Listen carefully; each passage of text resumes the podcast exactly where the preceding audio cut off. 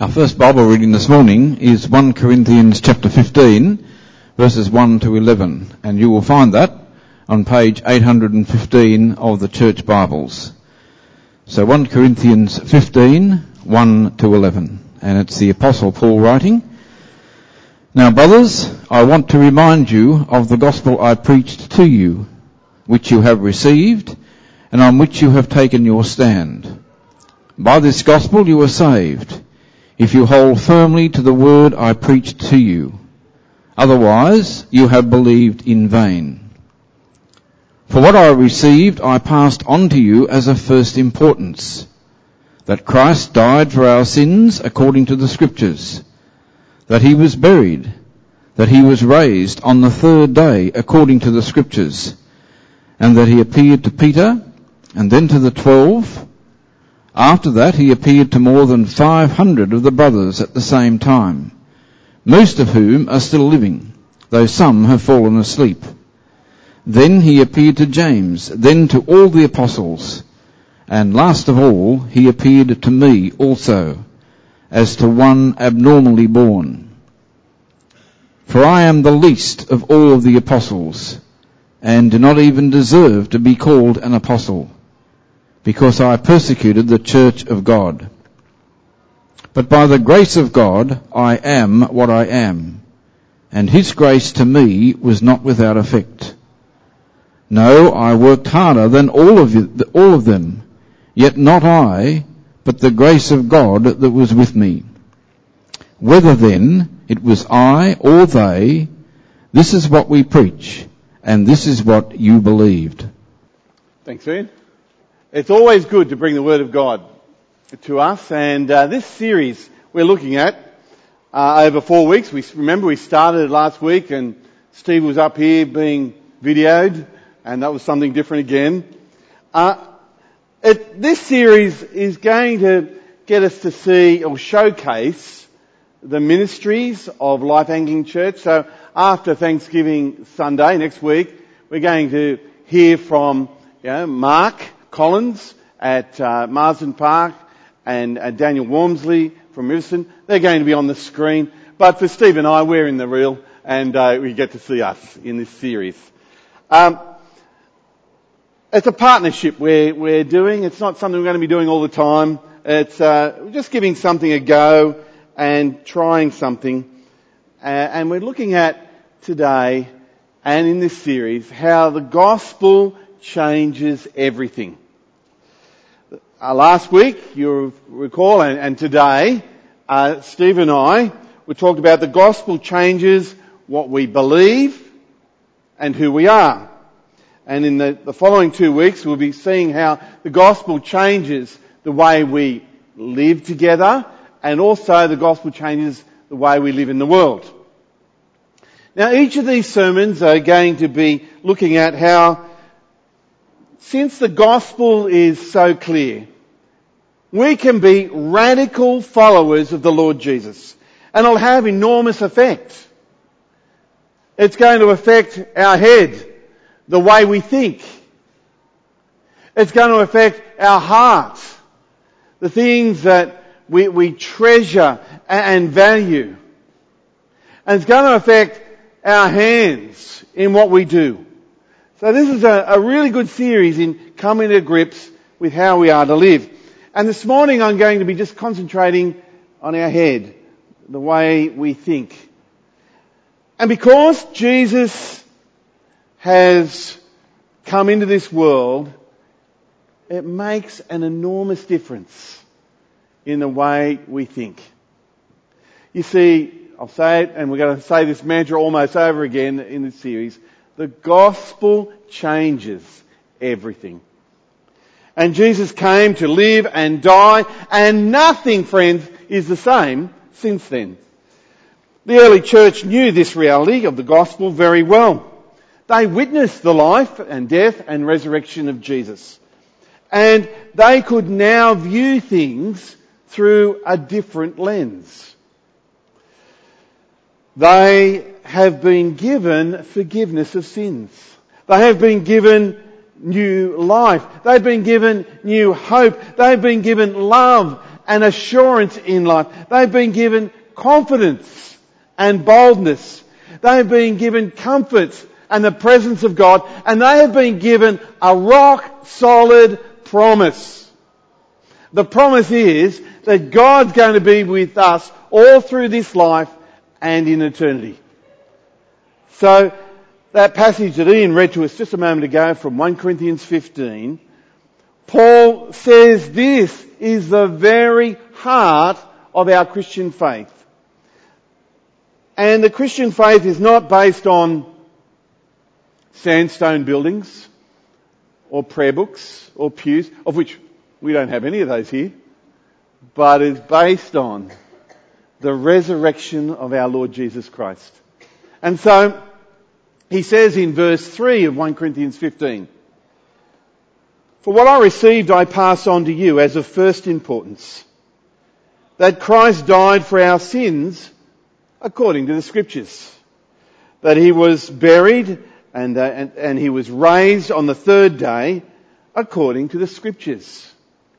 You see, the death and resurrection of Christ is the absolute foundation and of our Christian faith.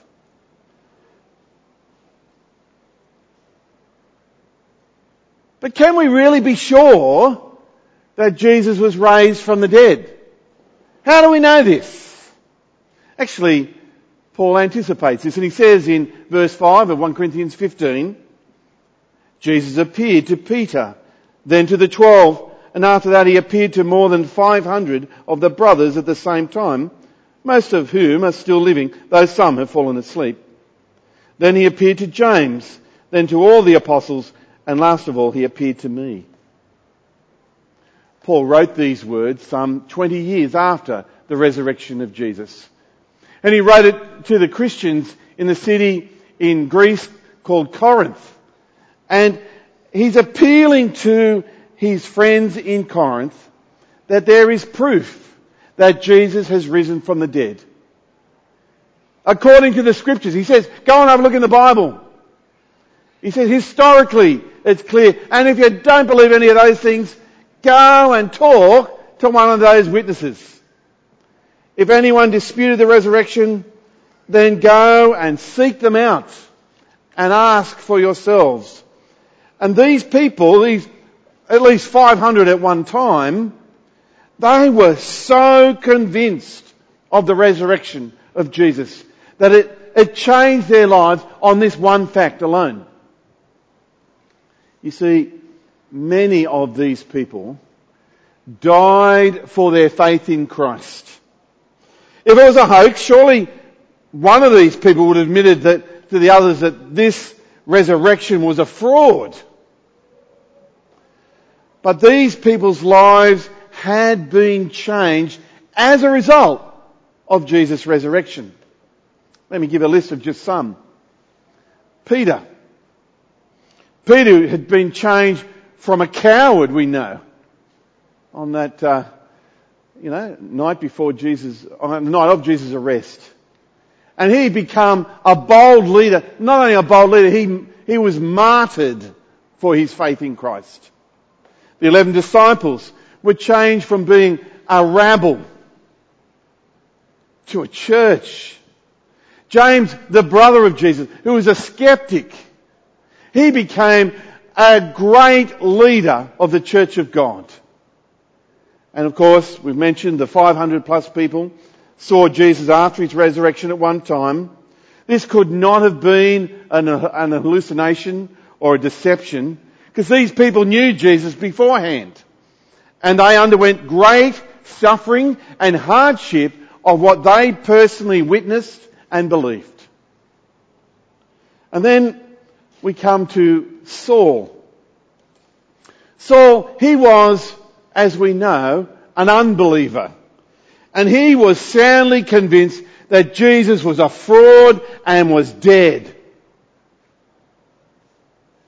However, his witness to the resurrection Jesus radically changed his life. This change brought him into preaching and opposition and persecution and suffering. He's going to read to us from Acts chapter 9 verse 19. Thanks Ian. This is uh, Saul in Damascus and Jerusalem. Acts 19, we start in the second part of the verse through to verse 31 and on page 778 if you want to follow it in your church Bible, page 778. Saul spent several days with the disciples in Damascus. At once he began to preach in the synagogues that Jesus is the Son of God. All those who heard him were astonished and asked, Isn't he the man who raised havoc in Jerusalem among those who call on this name? And hasn't he come here to take them as prisoners to the chief of priests? Yet Saul grew more and more powerful and baffled the Jews living in Damascus by proving that Jesus is the Christ. After many days had gone by, the Jews conspired to kill him. But Saul learned of their plan. Day and night they kept close watch on the city gates in order to kill him. But his followers took him by night and lowered him in a basket through an opening in the wall. When he came to Jerusalem, he tried to join the disciples, but they were all afraid of him, not believing that he really was a disciple. But Barnabas took him and brought him to the, to the apostles. He told them how Saul on his journey had seen the Lord and that the Lord had spoken to him and how in Damascus he had preached fearlessly in the name of Jesus. So Saul stayed with them and moved about freely in Jerusalem, speaking boldly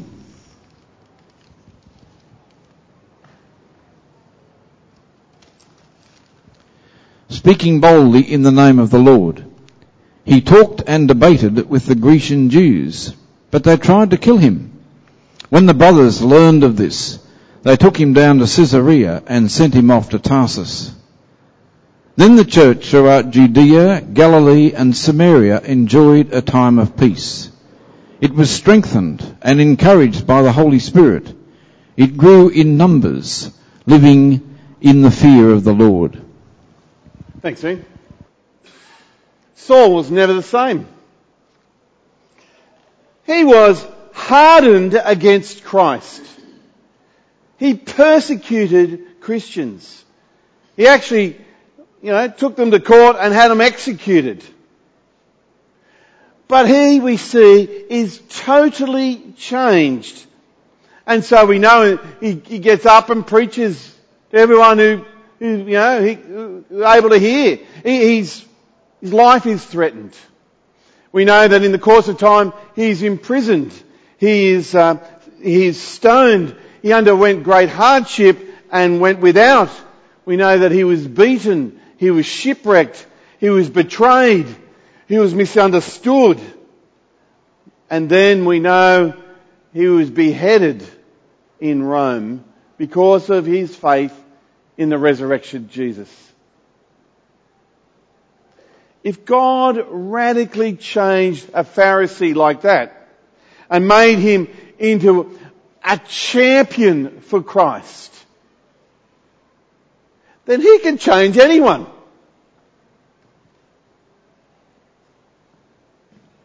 Do we believe that? Do we? Yeah. Sometimes we doubt it, but no, no, no. If we read the Bible and we see people's lives, yes, he does. And, and it's indeed remarkable evidence, not only rose of Jesus' death, it affected people in that day, but it affects people throughout all of history and even in our day and generation. And all down through history, we're able to see the transformation that comes from personally knowing the risen Lord Jesus. Lee Strobel, in his book, The Case for Christ, it's a, a well-known Christian classic. And Lee was a hardened, uh, avowed atheist. And he was an investigative journalist for the Chicago Tribune. And he, he wanted to disprove Jesus and uh, his, his claims that he made and the historical Jesus. In fact, he spends a third of the book looking at the resurrection of Jesus. And in the process of writing this book, putting in these arguments to bring down the Christian faith, Lee Strobel was soundly converted. In fact, uh, just recently, there's a film being made on Lee's life and uh, the, what's behind the book, uh, the, the, the, case of Christ. It's now showing, uh, I think, once a day at the Castle Hill Event Cinema this week. So my suggestion is go and have a look at it, but let's see the trailer.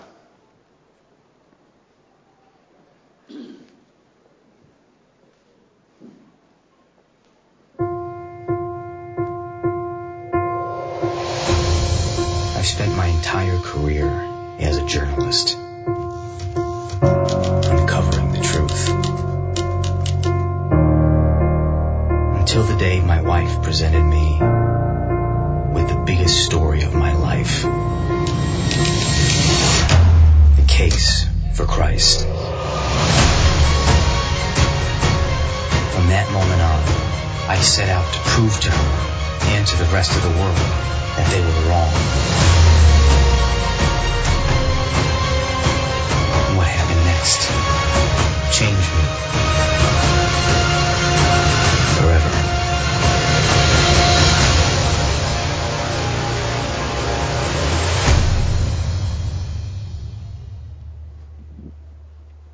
Go and see the movie if you don't want to read the book. If you want to borrow a book, I've got a copy here and I can lend it to you. I want to uh, draw attention to someone else by the name of uh, Frank Morison.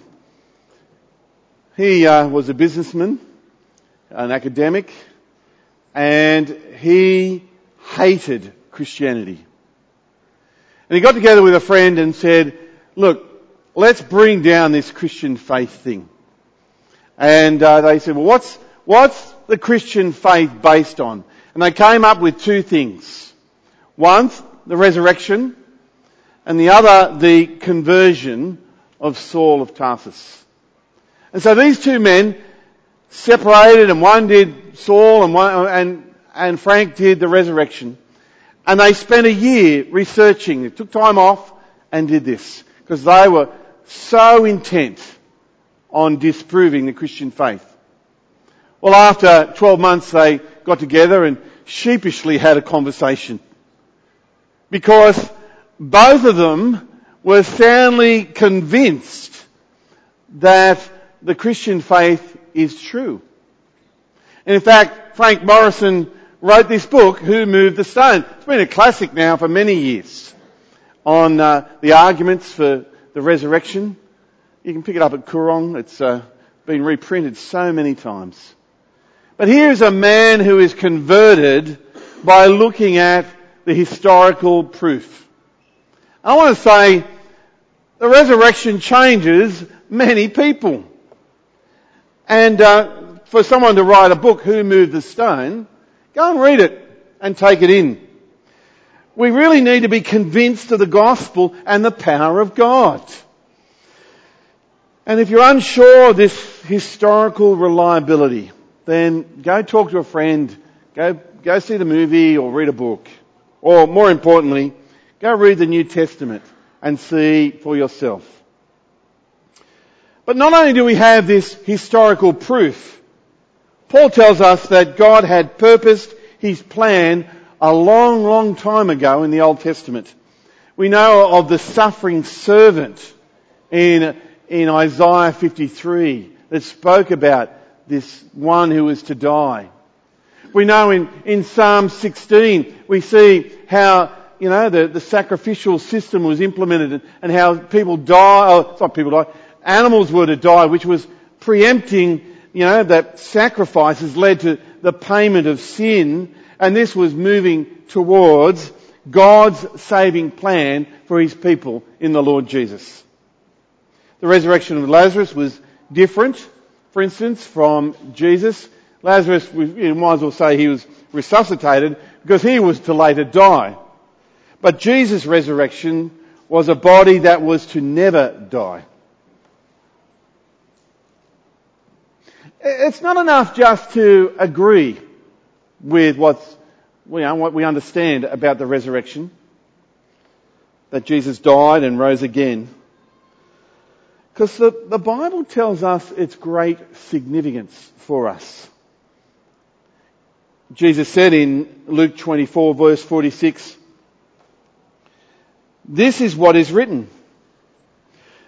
The Christ will suffer and rise from the dead and on the third day and repentance and forgiveness of sins will be preached in his name to all nations. You see, Jesus' resurrection confirms, it validates the purpose of Jesus' life and death. Friends, this is the great significance of Jesus' death. It confirms and validates that the payment of sin has been paid for and that our sins are forgiven. We cannot be unmoved by that. It should call you and me to repentance and faith in Christ. It should make us see the things of this world mean nothing if we're not following the Lord Jesus. We cannot be unchanged by this. We must see that God is working in history and bringing out His plan and purpose to bring His people to Himself. Friends, we must have this in our heads. It, may, it gives us the direction we follow. We sang a song this morning. I don't, never heard the song, or maybe I don't have a good memory. I'm not familiar with the song we sang this morning about how God, you do the impossible things. You raise from the dead, you blind to see, we sang. Yeah, God does the impossible things. This mean, this means that that irritating brother-in-law of yours, you know him, that, that smuck guy who thinks he knows everything and rejects God. God can change even him. What about the, the atheist, the Muslim, the Jehovah's Witness, the Buddhist, the Hindu, the drug addict, the, the murderers, or just the average Aussie who just lives for the moment and is some sort of hedonist or lives for football or leisure or whatever. They can all be changed. What about that rebellious child of yours? Or that husband of yours who says, religion's not for me. And by the way, those, those people that down at Stanhope, they're a bunch of hypocrites anyway. What, what do we say to that? No one. Nothing. No, it's, nothing's impossible for God, we sang. And these people can be touched for Christ. These people can be changed. You see, the gospel, friends, changes everything. As we go out this week, I want this firmly implanted in our minds. That the resurrection confirms all we know about God and His plan for us. So let us, let us live lives of faith and obedience to Him. Let us not trust in ourselves and our abilities or our reason, but in God who is working in you and me. And by the way, He's working in many, many, many, many others in this world of ours. And He's even working in the hearts of those who are hardened against God. In fact, he specializes in those who are hardened.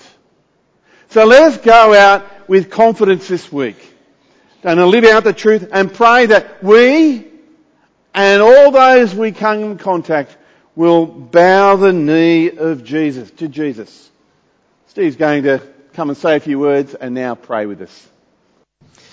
Uh, there's a quote uh, that will come up. Uh, it's by uh, C.S. Lewis It says Christianity, if false, is of no importance, and if true, of infinite importance.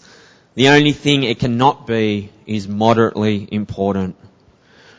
Right, we, we've said here that we, we believe that Christ died for our sins according to the scriptures. He was buried and he was raised to life according to the scriptures.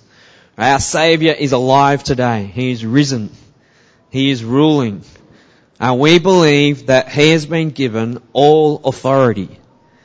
And that does change everything. If we, if we truly believe this, that Jesus is the risen Lord, all authority is His, He will return one day as judge, it changes everything. He is resurrected. We have the great hope of the resurrection, uh, that we too uh, will join with all believers in God's kingdom and be with Jesus. Let's pray. Heavenly Father, we just thank you so much for the good news of the gospel. Uh, how wonderful it is uh, that you would love your world so much to send your son to die and save us, to give us relationship with you.